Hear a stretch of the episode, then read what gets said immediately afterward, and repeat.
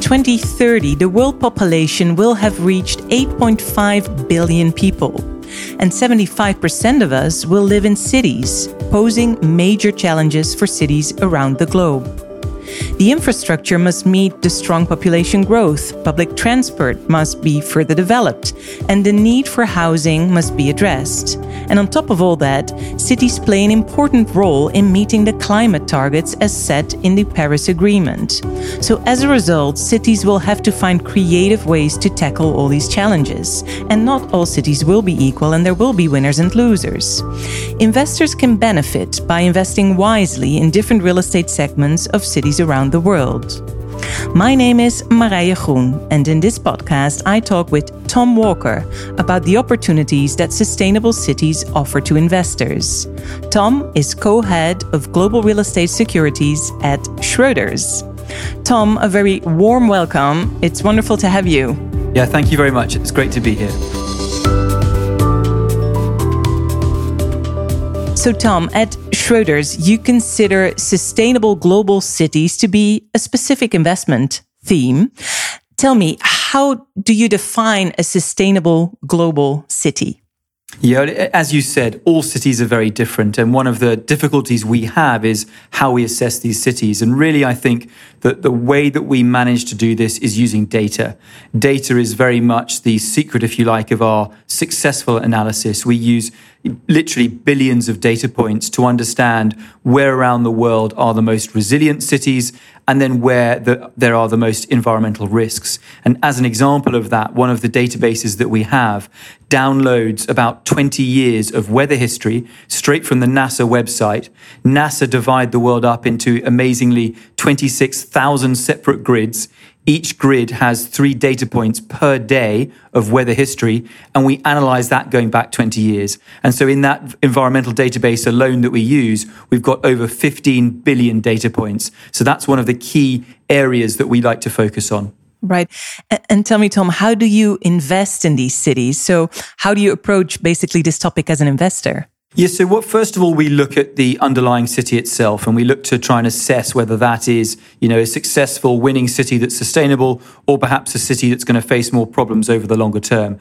Once we've established that, we then look for companies that that will give us the highest exposure to those particular cities, and that's where it gets very interesting. So, you know, for example, we might think that Singapore is one of the best cities in the world, but if we can't find a company that gives us exposure to Singapore, well, then we're just going to have to take take a step back and say, okay, we'll, we'll have to look somewhere else. And so, whilst we can identify the city, we also have to identify the company that can give us as much exposure as we want in that particular city. Right. And what in particular makes uh, the real estate market a good entry to invest in cities, would you say? Yes. so, what we're looking for in real estate markets is we're looking for parts of the real estate market where it's very hard to create supply. And then you have this ever growing demand due to urbanization. And that, of course, gives landlords or owners of the real estate pricing power. And that really, we think, is the, you know, the magical ingredient that you need for successful long-term real estate investment. So if, if all these concerns that people always have every year, such as inflation, rising interest rates, recession, whatever it might be, if you are invested in an asset where it's hard to create supply and you have growing demand for it, well, then you're going to be in a more resilient asset and that's going to afford you some protection. So when we look at our exposure around the world, we try to invest in parts of the real estate market where it's very, very hard to bring on supply. So we own quite scarce assets. So let's take a, a closer look at urbanization, um, because I think urbanization is probably one of the biggest drivers for city growth, right? So do you expect urbanization to continue even after the pandemic? Because, you know, perhaps we've now also witnessed the disadvantage of, of living together with so many people in, in relatively a small area. Yeah, and it's a it's a fascinating question, and, and it won't surprise you to hear it's one that we get a lot. Mm-hmm. Um, you know how we think about cities. I think we just need to look back at history. We need to look back at events like the Spanish flu, outbreaks of tuberculosis or cholera. All these events have actually kind of led to increased levels of urbanizations because actually, when these pandemics or issues occurred before, cities have always created the answer. Whether it's sewage systems, whether it's more open space, cities have always been innovative and then arrived at answers to, to cure the, a solution, uh, to cure the problem rather, and, and provide a solution. And we expect exactly the same to happen this time. And so I think what you're going to see is just the makeup of a city will change. Arguably, you could see cities getting younger. More young people want to live in cities. Older people might want to be moving out, which could lead to more affordability for young people. If you've got more young people in a city, it's going to be more dynamic, more open minded, more businesses will get created. And so, you know, we think of all those sorts of factors, but also what it will do is it will change the, the type of real estate we want to use. You're going to see less office, you're going to see less retail, you might see more data centers, you might see more schools or apartment buildings. And so, you know, cities are always evolving. They will continue to. We are just in the midst of the latest evolution of a city. But the idea that, you know, a city is going to kind of just curl up and die or shrivel up is just not right. They are still the most efficient places for us to meet, to innovate, get ideas, and then maybe we go back to, to work from home and, and, and try to monetize the idea or whatever it is. But we still need to come in, meet colleagues, meet clients, meet friends, and that will always take place, we think, in, in a city that offers interesting experiences. Right. Would you say, uh, Tom, that urbanization poses a threat to achieving climate objectives, uh, such as in the, the Paris Agreement, because after all, cities are a major source of, of CO2 emission. Yeah, and again, it really interesting here. And I think what people overlook when, if you like, they kind of read that headline is that actually, if you look at greenhouse gas emissions per capita, cities are much, much lower than rural areas. And I always joke about this with uh, my colleague and friend Hugo, who I run the fund with, because he lives out in the countryside and I live in the city in London. And actually, you know, us, me living in London, I have a smaller carbon footprint because my children and I, we walk to school. You know, we can walk to most shops. Whereas, you know, if you live in the countryside, you're driving everywhere. And so actually, without cities, we have zero chance of achieving the Paris Agreement targets. Governments around the world realize that it's where the most people live, so it's where they're going to get the most bang for their buck in terms of making people use public transport rather than using a car. So again, cities will be the solution to climate issues. And it's because of the efficiencies that you can derive from living and working in a city. Just a few kind of random stats for you. But if you live in an apartment, you're going to use less energy than someone living in a house. Obviously, also, as I mentioned earlier, if you're living in a city, you probably take, you know, public transport to work. You might do, you know, ride sharing. You might cycle. All of those have a material impact on your carbon emissions. Right. Such an interesting insight. I never thought of it that way, but maybe in that sense, also me living in the, in the city of The Hague is, is, is equally, uh, well, sustainable rather than, than living on the countryside. Um, so, so tell me, how can a city be sustainable, uh, uh Tom? Because uh, well, maybe you can illustrate it to us by giving us an example of Amsterdam, which I understand is Europe's most sustainable city according to the Schroders uh, European Sustainable Cities Index. So, how does that work? Tell us. Yeah, it's great. And I'm pleased to see you've done your homework on, on our kind of Sustainable Cities Index as well. So, thank you for that.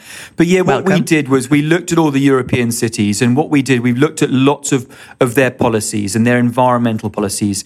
And we've decided, you know, with, with piecing all of that together, we look at things like, you know, how much public transport is available in the city? What is their, you know, renewable consumption targets? What is the, you know, how many uh, EV charging stations are there? Single use plastics, air quality, climate plans, carbon neutrality, a really long list of policies looking to try to, to see the future direction of these cities. And Amsterdam was the leader. You know, London and Paris were, all, were also good, but I think another city for me that always stands out when you look at this would be Stockholm. I mean, their first environmental policy was in 1976. So, like much of Scandinavia with environmental issues, they are ahead of the game. They're ahead of others. And so, you know, it's really interesting for us and important for us to look at that future direction. And I think China is actually also another area where it's very interesting because, you know, 10 years ago, 12 years ago, I was asked to go to Beijing for a business trip. And when I was there, I was told, oh, look, uh, you know, you're really lucky. You've arrived at a day when we can go to the meeting. My children have gone to school. Whereas yesterday, everyone had to stay at home because the air quality was so bad. If you go to Beijing today, there is no chance of that happening because the policies that the Chinese government have enacted have been so important and made such an impact that things have changed quite materially. And I think that just gives you an idea as to how much impact can be, you know, arrived at with the right policies in place. And that's why we thought that Sustainable Cities Index was such important research for us to, to speak about. Right. Um, so, so let's take a closer look at, at your investment strategy at, at Schroders. Which kind of data do you use to identify uh, global and sustainable cities, and how do you collect and process those data flows?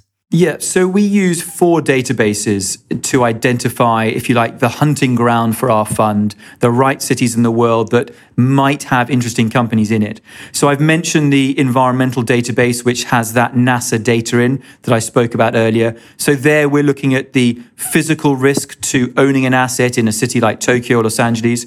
We're looking at the well-being risk to you or I if we were working in Tokyo or Los Angeles. Is it polluted air, polluted water? You know, what's that environment like for us? And then we look at the policy response. So we're looking at those three key areas the physical risk, the well being, and then the policy response in each city around the world. And we're then able to calculate a score for cities and then create a ranking. We then also have three other databases which help us navigate the best cities to invest in. The second is that is a transport connectivity database. So again, our theory here is that if you own an asset well connected by transport, it's going to be more resilient than another asset. And I think that transport connectivity means that more people will be able to move in and out of that location, and there should therefore be greater resilience in the value of that land, greater optionality for alternative use. And what's also interesting about transport connectivity is that, and this again has been sort of proved in studies by Harvard as, as well as other government organizations, is that transport connectivity and that mobility that it gives us to access jobs, it's a huge contributor to social mobility. So, you know, allowing people to get to work and then access jobs is very important. We then also have an innovation database looking at how close world class universities are to locations. Again, not only will these universities provide us with talented graduates, but they will also provide us with new businesses that get started up, which will lead to more demand for real estate. And then finally, we just look at the overall economic strength of a city. Is it growing? Is it reducing? Because again, you know, real estate is simply a proxy for GDP. So you really want to be invested in those strong economic locations because then you, as the landlord, can charge someone hopefully a higher rent, and that tenant is very happy to pay it because they're creating more profit for themselves. So, so what is the role uh, of ESG in this investment process? Yes, so ESG is is clearly, you know, very much integrated into our investment process. And so we've got the E, we've got the environmental database right there, right up front, contributing to us determining which cities are, which cities are the most environmentally resilient and then which are not. We've then got the social factor from that transport database, looking at that social mobility. And then the G, the governance, you know, we just think that's obviously kind of essential analysis for, for any company. You know, is it the right structure? Will they look after us as a shareholder or will they just be looking after themselves? You know, what's the board diversification, etc. So governance, I think, is, is, is very easy for people to analyze. The E and the S have always been tougher. But I think, again, using data, we've identified and highlighted how we can use data to help us on the environmental and social issues uh, when we invest. Right. Now, it's one thing, Tom, to identify cities with a lot of economic potential. But then once you've done that, how, in which uh, sectors or in which companies do you then invest next? Yes, so the next step, again, using data is a real common theme coming out here. Right. But again, what we have developed is that every month, and it's, you know, again, more very useless information for you. But every month at about three in the morning on one Thursday, the last Thursday of every month, our Python script, Python is a computer software program. And what we've created is that it scrapes hundreds of companies' websites around the world every month and it takes all the geospatial coordinates of their portfolios. That then allows us to see, right, if Tokyo or Sydney or Melbourne is a very well ranked city, which company actually can give us exposure there. So again, data provides us with a list of companies that give us exposure. And then we bring the humans into the job. You know, us as the team, our analysts will then go and look at the identified companies, meet management, look at the properties, look at the demand and supply, all the normal stuff you would imagine for real estate analysis. So it's a real combination of both data and then our skill as kind of real estate analysts, as investors that combine to then determine the value of a company. And if we think it's attractively priced, it will go into the portfolio. If it's in a great city, but it's just too expensive, well, again, we're patient. We'll just bide our time and wait for that valuation opportunity. Again, you know, myself and Hugo, who I mentioned earlier, we both invest in this fund. You know, we're really keen to be aligned with our clients. We don't want to just invest in a company because it's in Los Angeles or Seattle. We want to invest in a company because it's in Los Angeles or Seattle, but has an attractive total return and will then, you know, generate returns for us. Right. And I hope you don't mind me asking, but how is this approach then different from that of, a, so to say, a global real estate fund? Yeah, so I think the difference is, is in our use of data. And I think what we've been able to demonstrate, we've been running this fund now for over seven years, is that we're able to generate very consistent returns beating our benchmark. So we're first quartile in our peer group over three, five, seven years. And we've generated returns of about 8% per annum compound growth. And I think what we've been able to prove to people is that by using data in a very original and differentiated way, we can identify the markets and the companies. And I think that's why we stand out, I hope, versus our peer group. Right. Now, now the fund uh, adheres to Article 9 under the SFDR uh, regulation. Could you perhaps elaborate a bit more on the approach and also what factors contribute to this accreditation? Yeah, so it's obviously a difficult accreditation to, to have. And I think that what it highlights is how seriously we take ESG and how much it is integrated into our investment process. I think what I would highlight with regard to why it's Article 9 is that at each step of our investment process, whether it's analyzing cities or analyzing companies, we also have a series of exclusions. So if I give you kind of a sense of that in, in numbers, we start by looking at about 530 companies. When we have finished assessing the strength or weakness of cities, then that reduces down to about 250 companies that can give us exposure to what we believe to be the world's most sustainable cities.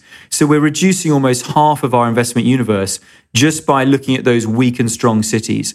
When we've then identified the 250 companies, we then analyze each company on its own E, S, and G criteria. And again, what we do is we divide them into quartiles and we simply remove the bottom quartile from our investment universe, which takes out about, about another 50 companies. So again, you can see that we are then left with high quality companies in environmentally resilient cities, well connected by transport, close to innovation, and, and, and, in strong economic areas, which then give us very, very solid companies. And so we're removing, you know, over 300 companies based on ESG criteria. And I think that's why, you know, we're able to call ourselves an Article 9 fund. Right and all of that with great results because over the last uh, seven years, you've generated 8% per annum, which is quite impressive, I have to say. What's your outlook from here, Tom?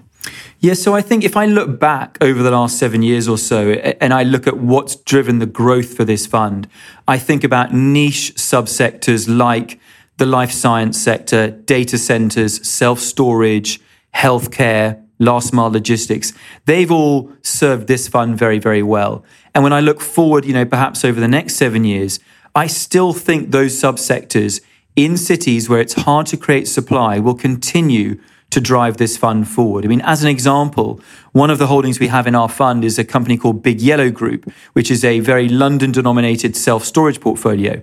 Now, if you look in London over the next three to five years, you can probably count on one hand the new self storage facilities that will be built. But yet you've got more people moving to London. You've got more people moving house, moving job, getting divorced, people dying, all these very depressing things. Apologies for that. But they all drive yeah. people to need storage. And so again, if you own those assets in a market with more demand, low supply, you have pricing power. And on a five to 10 year basis, that gets us very excited. So again, I think we will see the same types of subsectors doing very well for this fund as we focus in the strongest cities around the world. Mm. And and are inflation and, and maybe rising rates a concern at all? Yeah, I mean, there's always a macroeconomic concern, and you know, at the moment, everyone's talking about uh, inflation and rising rates, as you say. Clearly, kind of, you know, the pandemic is maybe taking a little bit of a backseat for the time being, but it may come back.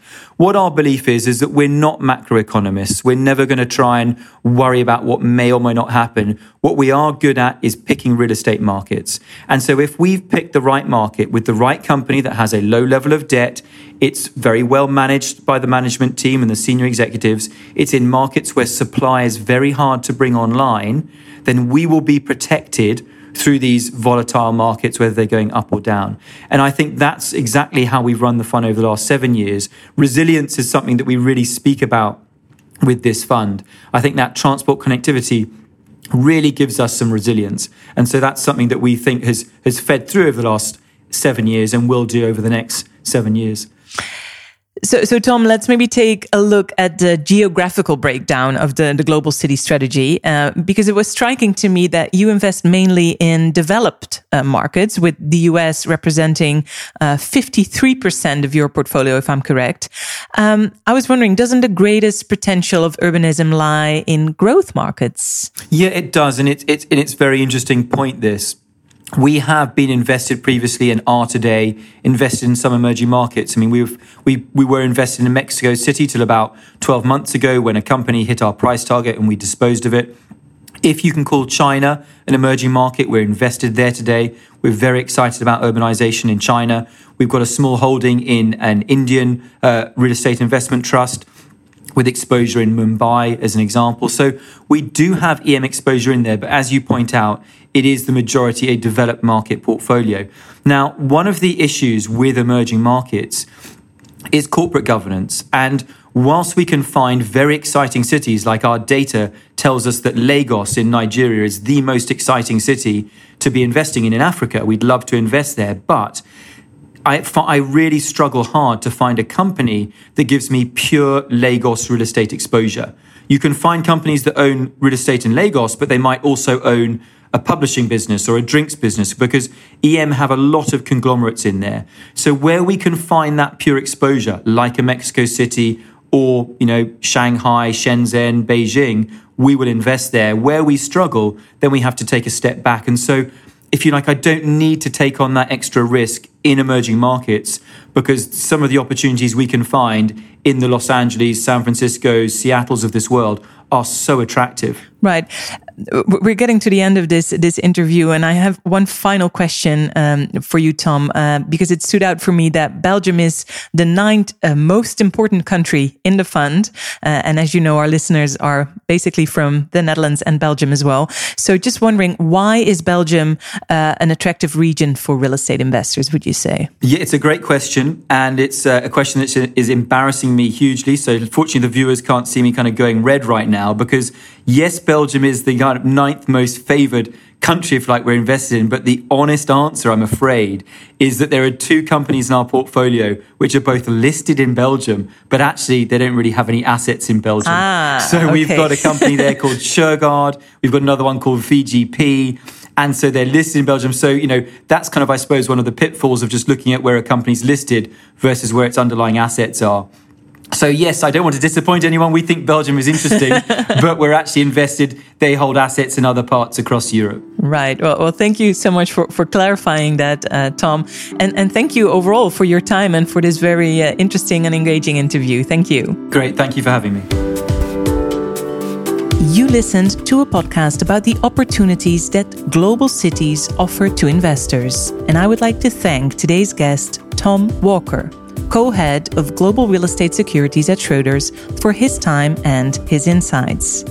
This podcast is offered to you by Schroders, and for more podcasts, please visit fondsnieuws.nl if you're located in the Netherlands, or go to investmentofficer.be if you're based in Belgium. Thanks again for listening.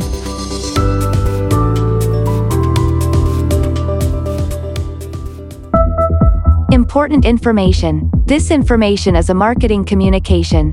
No responsibility can be accepted for errors of fact or opinion. Past performance is not a guide to future performance and may not be repeated. The value of investments and the income from them may go down, as well as up, and investors may not get back the amounts originally invested. Exchange rate changes may cause the value of investments to fall as well as rise. Issued by Schroder Investment Management Europe SA, 5, Rue Hohenhof, L 1736 Senningerberg, Luxembourg.